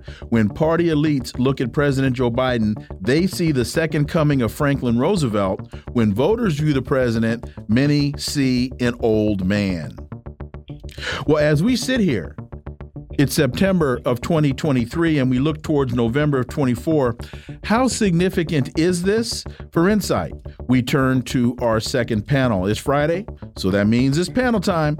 We're joined by an independent journalist whose work can be found at Substack and thepolemicist.net, Dr. Jim Kavanagh. As always, Jim, welcome back. Thanks for having me. We're also joined by an associate professor of economics at the University of Missouri Kansas City and the former president of the National Economics Association, Dr. Linwood Tauheed. As always, Linwood, welcome back. Thank you. So, NBC reports the Democratic elites who hold high office, raise the money, and pound the campaign message are all in when it comes to Biden's reelection, but they're not oblivious to an uncomfortable reality. Their own voters aren't sold. Quote, I'll say the elephant in the room is uh, the people are talking about his age, according to Minyon Moore, the chairwoman of the 2024 convention. But you know what? I come from a family where age is wisdom, knowledge, participation, and experience. I would rather have Biden on this field at this time than any other president. Uh, Jim, one of the things that I find interesting about all of this is that they are couching it in the context of age, not in cognitive ability. Donald Trump is 77. Bernie Sanders is 82. Nancy Pelosi is 83. Ralph Nader is 89 and they can all hold their own in any debate against anybody on darn near any issue. They want to make this focused on age, not cognitive ability, Jim Kavanagh. Correct, exactly. Age is not necessarily wisdom. and we're seeing that very clearly. It's not about age. They're just not saying what the elephant in the room is, which is his cognitive ability, not his chronological age. And he's displaying the problems with that more and more obviously. This is a piece that's, you know, what they're trying to do here is he thinks that he's just too much. Biden is fine. Not only is he fine, he's we're not just saying that because he's not we don't think he's too old, but he's done the best of any president. He's really done he's like Franklin Roosevelt, FDR for us. You know, I mean, this is beyond ridiculous. What they're really saying is we're not going to let anybody challenge him until the convention. We're going to keep saying this, and we're going to keep saying no challenge. He's going to be our nominee. He's going to win until the convention. They're going to get rid of him at the convention, but they can't do it before that because then they'd open it up for debate, and they'd have to let RFK and Marianne Williamson, you know, all those people in. So you'd have to have an open debate, and it's going to be a mess in any circumstance. But they want to keep it closed and keep saying what they know is not true. That Biden is fine. He's the best president we ever had. Bidenomics is working. He's just a little old, has a few gaffes, and we're going to stick with him to the end. They're going to get rid of him before the before the election at some point, but they have to wait so they close off uh, the debate. That's what they're talking to Newsom and these people about. They're telling them, "We're going to give you a shot, but you got to wait." How so? How do you see Jim? How do you see them doing this at the debate? When is there at, when they go to the when they poll the states and they cast their ballots? Is that where this is going to happen, or is it going to be some kind of backroom deal where before they actually nominate a candidate, they go into a back room and then come out and say, "Hey, folks, guess what? We've decided to go another way." I mean, how how logistically how does that work? Biden's going to withdraw for family reasons. Okay. And, and then and then they will have arranged, or this is the problem for them. They're going to have to arrange beforehand for Kamala to step aside and let someone else be the top uh, candidate, and that might they might run into problems there. It's going to it's going to be a mess on, under any circumstance. So does does Luca does Luca Brasi pay pay Kamala Harris a visit and let her know that either her brains or her signature are going to be on the contract? Yeah, they, they, they give they'll give her a a, a big incentive. She'll be Secretary of State. Oh my God. Yeah. Linwood Tauheed, your thoughts? Yeah, I think I think this uh, this quote of age is wisdom, knowledge, participation, experience also uh, is an indication to me that they don't get why these voters are not going for Biden. Mm-hmm. Because for many of these voters, age, and particularly for the poor and increasingly the middle class, age is suffering, poverty, having to make a choice between medicine, food, and rent. It, it's not that age is a problem. It's not wisdom or these other kind of things for their voters, but there are also other things that come with age for the poor and middle class that these elite, elites are not affected by. This is not part of the elite uh, uh, worldview, and they simply don't get that these voters are uh, not enthusiastic about Joe Biden because Joe Biden has not delivered for them. Three sentences from this, or partial the passages, shall we say, from this article that I think are important. Number one, Democratic leaders have engineered it so that he's on a glide path to the nomination. Number two, what I tell people is he's going to be the nominee, and that's it, one Democratic fundraiser said. Number three, party leaders leaders say they are loath to see a genuine and open and competitive race for the nomination. What I see here is a pattern. They're saying we are in charge, we're the elitists, there will be no democracy here. We've made a choice. Shut up. Meanwhile, let me, if we look at the Republicans, Trump, 52. Who's in second place? DeSantis, 18 the Republicans are going to look at it and say, our guy won. He beat the crap out of everybody else.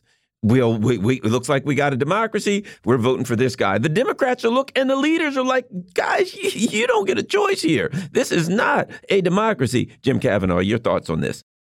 Well, sure. What they want is to keep control. They want to keep control in the Democratic Party establishment and the elite and the donors and the, uh, you know, that's what they want to make sure that we control things. It's going to be difficult. And that, that's what they're saying in this. They're saying, we know there's a problem. We will deal with it in the way we want to deal with it when the time comes. Otherwise, till then, you, you guys just shut up. We don't want to have because most Democrats don't want Joe Biden to be the nominee. So if they ever opened it up, he'd lose, and, and they know that. And he couldn't stand in the debate. It's going to be absurd. So they know that's that's what's going to happen, and they are saying this is a demonstration that we control the situation. You don't, and we're going to keep it that way. And we'll take care of whatever problem is with Joe Biden, quote unquote, age when the time comes. But in the meantime, the Republicans are, you know, they're having debates. you got to say, people are popping up. Uh, Vivek is popping up and opening his mouth. Nikki Haley is running, you know, running her mouth, and they're getting support. They all show uh, Biden against. He loses to Nikki Haley. He ties to uh, DeSantis. I forget what he did against against Vivek. I think he lost by one point to him. But he's doing badly against all of them in the polls. So the Democrats know all this, and who the hell knows what's going to happen with, with, with Republicans with Trump's indictment and his legal issues. But it's really a clown show now. The whole electoral process of the United States. And Dr. Tauheed, the hubris to put in this article Hey, look, forget it. We chose this guy. Why should they even bother to have uh, uh, uh, um, performative um, voting throughout the primaries when they're making it clear to say, look, look, it's just the way it is. It's him. You guys do your thing. You can pretend to vote. That says to me, people stay home, Dr. Tauheed. Yeah, I mean, the hubris is even greater. We all remember when the um, uh, Bernie Sanders campaign sued the DNC over the fixing of the primaries. And the defense that the DNC uh, gave in the court was that they're not a democracy. They don't have to go by what the voters uh, choose. They can, in fact, choose the candidate in a smoke filled back room because they're not a democracy. They're a political party. This was their defense. And of course, it is true, but they, they, they simply spoke the, spoke the truth in court, and now they're speaking it to to to the to the rest of the pro, of the public. So so this is not a, a new thing. Them thinking this with um, with Biden uh, uh, currently, uh, this is how they defended themselves in, in, in past court situations.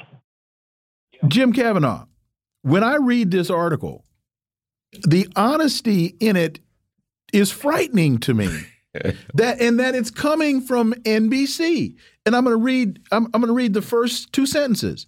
The Democratic elites who hold high office, raise the money, and pound the message are all in when it comes to Biden, but they're not oblivious to an uncomfortable reality.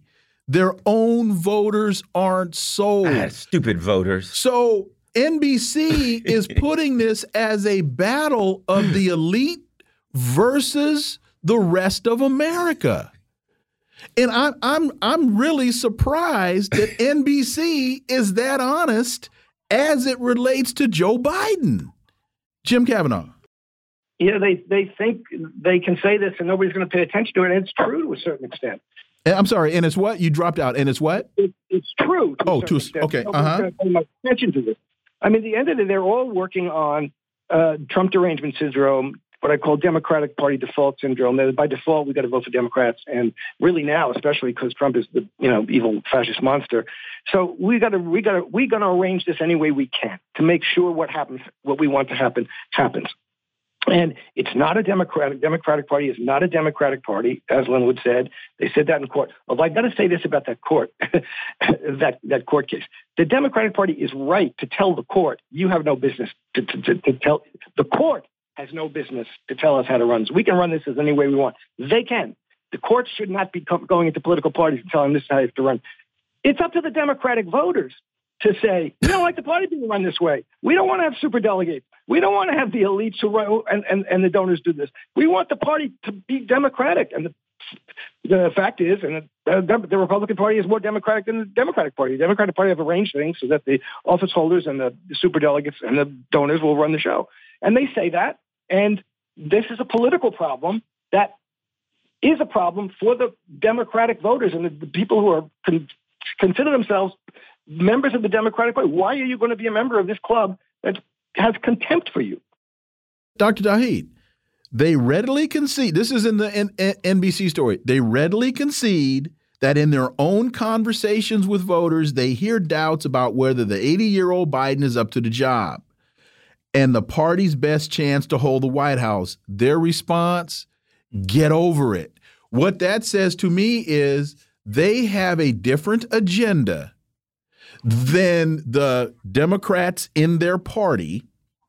It is a fight between the elite and the rest of America, and the elite don't give a damn about the rest of America. And and and uh, certainly, what what should be understood is that the elites in the Democratic Party and and the leaders of the Republican Party are the same elite. Are all are all yeah are all obligated to the same set of donors. This article talks about the elite who raise the money. Where mm -hmm. do they raise that money from? Mm -hmm. From corporations, and those corporations will give money to the Democrats and to the Republicans. The corporations are bipartisan because it does not make a difference who wins. Uh, the the agenda that both parties will follow is the party of the big business. However, the Republican Party is very much um, uh, uh, honest about who they serve. The Democrats are trying to serve, at least attempting to, to show that they serve two masters, uh, when in fact it's very obvious to the voters that they only serve one, and that is those who, who provide the money. This is from the article. A contested primary would hamper Democratic chances next fall, party leaders argue adding that ditching Biden for an untested alternative carries a set of risks that the party can't accept with so much at stake. Well, whose interests are being protected here, and what's the greater risk? Joe Biden walking around mumbling to himself and uncoherent because his cognitive decline is so apparent, or a tested governor like what's his name from California, or Gavin Newsom or Gretchen Whitmer, another tested governor from a from a Democratic state, carries the day. No, something far worse. Uh oh. That someone runs in the party that the people actually choose, oh. such as the Bernie, or oh. I'm not saying Bernie, but right. I'm saying somebody runs in the party that who's not one control. of the elite people and mm. says, eh, maybe we shouldn't have wars and this and that and blah, blah, blah. That's the real thing they're scared of. Oh, Dr. Cornel West. Or Joe or, or Robert Kennedy Any, Jr. Anybody that they don't own. Got it. Oh, gee. Hmm. Yeah, I think they have a real problem coming up. I think February is the date by which RFK Jr. would have to decide whether to run independent or not. And he said the other day, if I'm really going to be sick, they're going to rig this against me. I have to think about other alternatives. So I'm going to I'm going to make a, a, a prediction that they're going to leave a they're going to leave a path open for RFK Jr. because they don't want him running as an independent. Dr. Tauheed, your thoughts on it, and we'll go to the next story.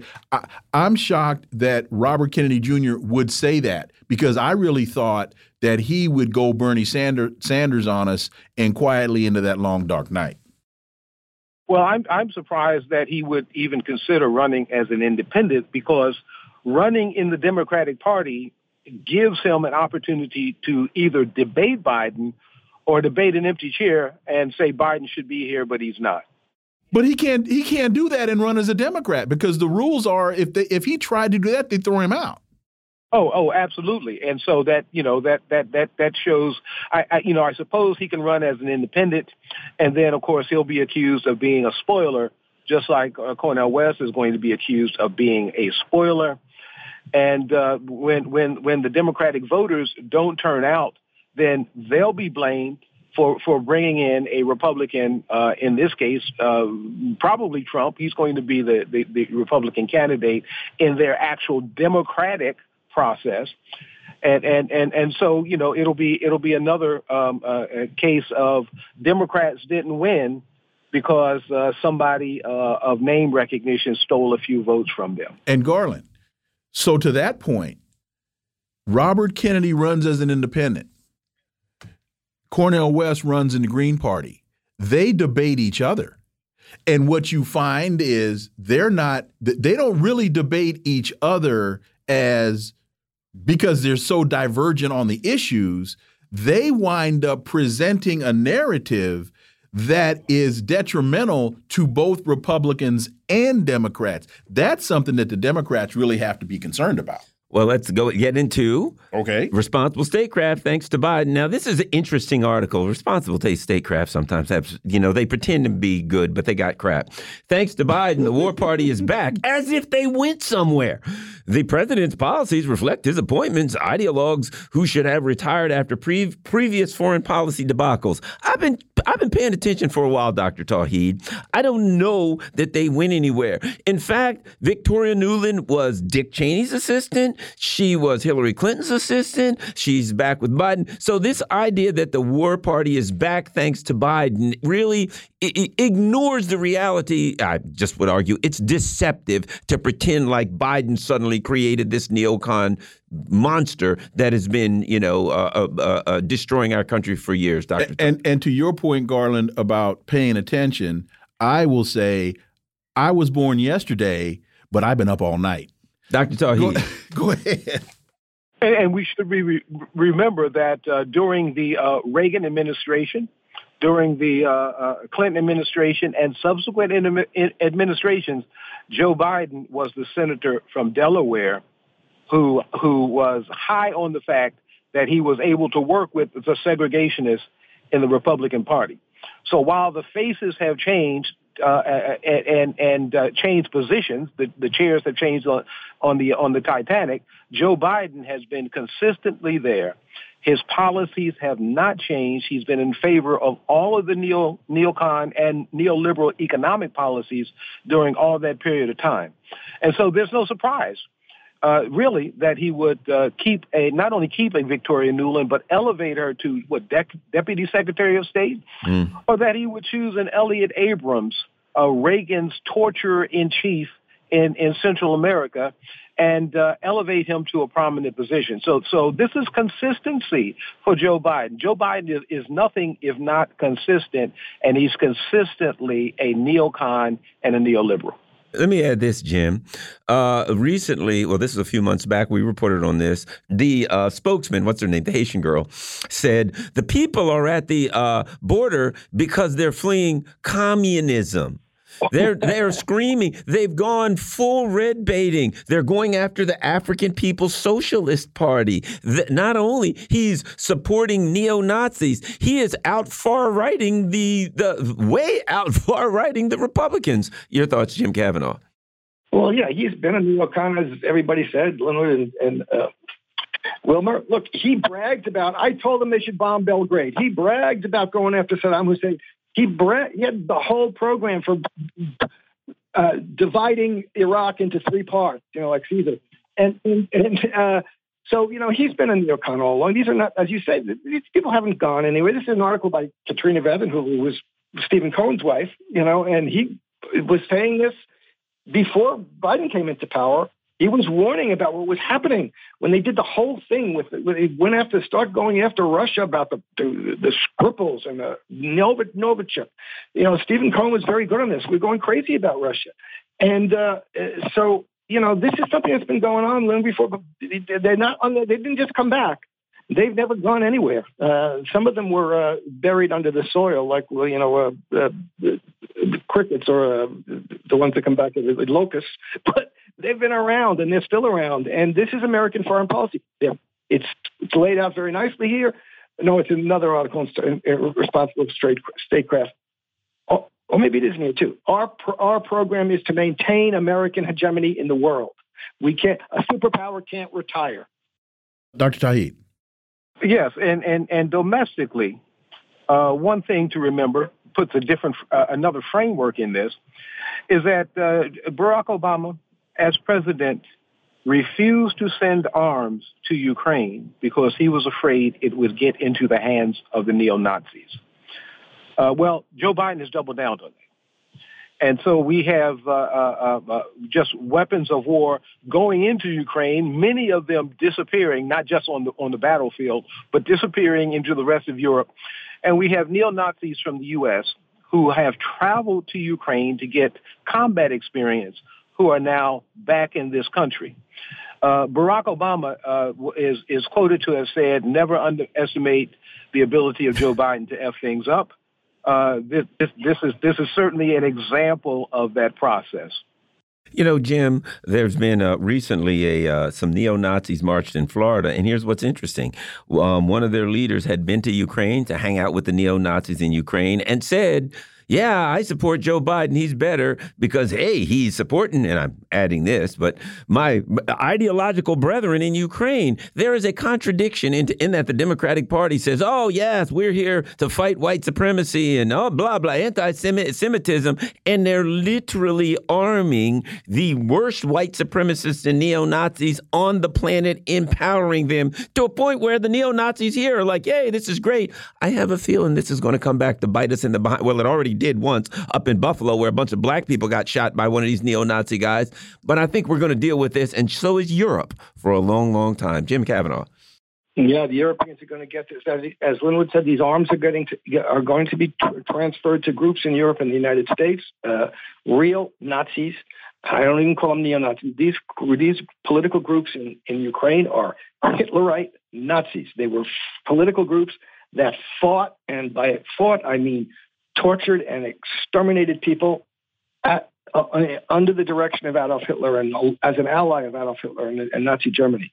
And they're proud of it today. And this is what we're fighting. This is this is, and there are, and they've said it, and uh, I wrote about it. Uh, Nazis in Europe and the United States who see this and say these guys are, are, are fighting for us. They're they're bringing back. They're fighting to reestablish fascism in the world in a no, no, no analogy, no analogous fascism or fascism adjacent. These are Nazi fascists. And they have comrades in the United States and Europe. And the victory of them is going to be a victory for the worldwide fascist movement. And anybody who wants claims to be anti-fascist or anti-white supremacy and who is not understanding that the, the victory of those fascists in, in Ukraine is, a, is, is the worst victory for fascism and, and uh, anti-white uh, white supremacism or ethnic supremacism since World War II is a fool and is is helping to, to be complicit in that. Hunter Biden's expected indictment. Never forget, they think we're idiots. This is Fox News. That's the main takeaway from an announcement by David Weiss that by month's end he indicts he intends to indict Hunter Biden on a felony gun charge, the very same gun charge Weiss tried to make disappear weeks earlier. By both regulation and performance, Weiss is unqualified to be a special counsel. This is according to Fox News. Uh, your thoughts, uh, Dr. Linwood Tauheed? Yes, uh, uh, David Weiss is now saying he's going to uh, indict uh, Hunter Biden on the gun charge when in fact a very simple investigation would have ended up in actually making charges. It should have been an indictment already. Uh, the significance of the of the end of September is that it's right before the end the the uh, ending of the uh, statute of limitations on that gun charge. So if there's a day or two delay on that, Hunter Biden goes free on this charge. Now, of course, uh, you know uh, David Weiss uh, attempted to to get uh, uh, Hunter Biden uh, it, total immunity on felonies by by having him plead guilty to a couple of misdemeanors, uh, a couple of misdemeanor tax charges, when in fact uh, there were felony tax uh, um, uh, tax charges that could have been levied in addition to the to the gun charge, in addition, addition to foreign agent charges. All of those David Weiss attempted to sweep under the rug, but in, but fortunately, and and if there's any fortune in this, a Trump appointed judge uh, uh, uncovered the scam and and uh, uh caused this now uh, David Weiss to at least pretend to be a real prosecutor. Jim, when we look at this, I mean, and we got to be honest about it. What we're hearing is they charge Trump. No one is above the law. But when we look at what's happened with Hunter Biden, when we look at what the what the what the DOJ has done in obviously trying to protect Joe Biden. Democrats, lifelong Democrats, came to Congress and said the DOJ stepped in and they wouldn't let us properly uh, interview, uh, uh, uh investigate uh, uh, Hunter Biden for IRS violations. it, is the the kind. It is well. Let me shut up, Jim. Let me get your thoughts on this. I was about to go nuts. Yeah, everybody's going nuts on this. Yeah, that guy, that gay IRS agent who testified was great. You know, I mean, clearly they slow walked everything about Hunter Biden. They tried to slow walk past the uh, statute of limitations, as, as Linwood said.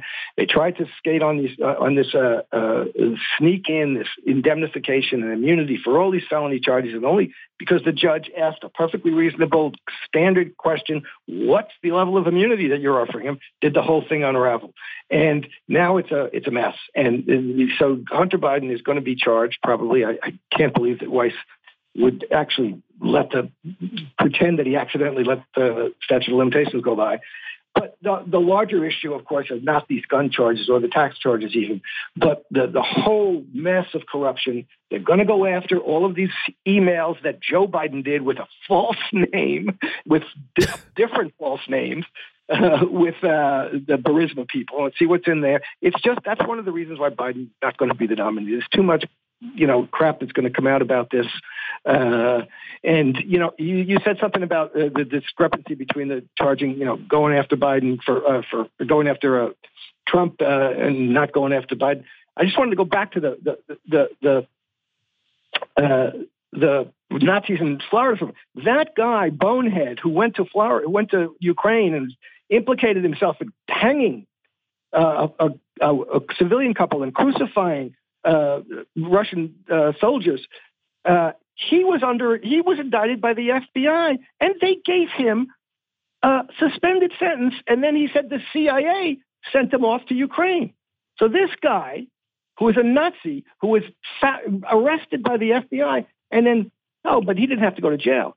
Now you got Donald Trump, the, the Proud Boy guy, who wasn't even in Washington, and they're going to give him 22 years in jail for organizing a demonstration because they're anti-Nazi. Not because they're anti-Nazi, because they're trying to hide uh, Nazism under the framework of anti-Nazi. It's unbelievable. So these are the things that we're, you know, make us so frustrated now.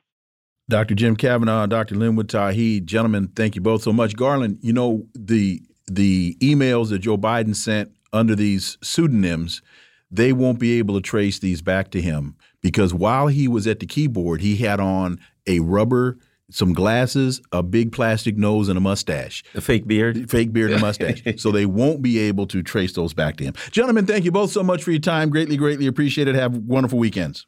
Thank you. It's been a pleasure. Thank you. Folks, you've been listening to the Critical Hour here on Radio Sputnik. Thank you for allowing our voices into your space. On behalf of myself and my co host, Garland Nixon, we hope you were informed and enlightened. And we look forward to talking with you all right here next week on Radio Sputnik. Be safe. Peace and blessings. We're out.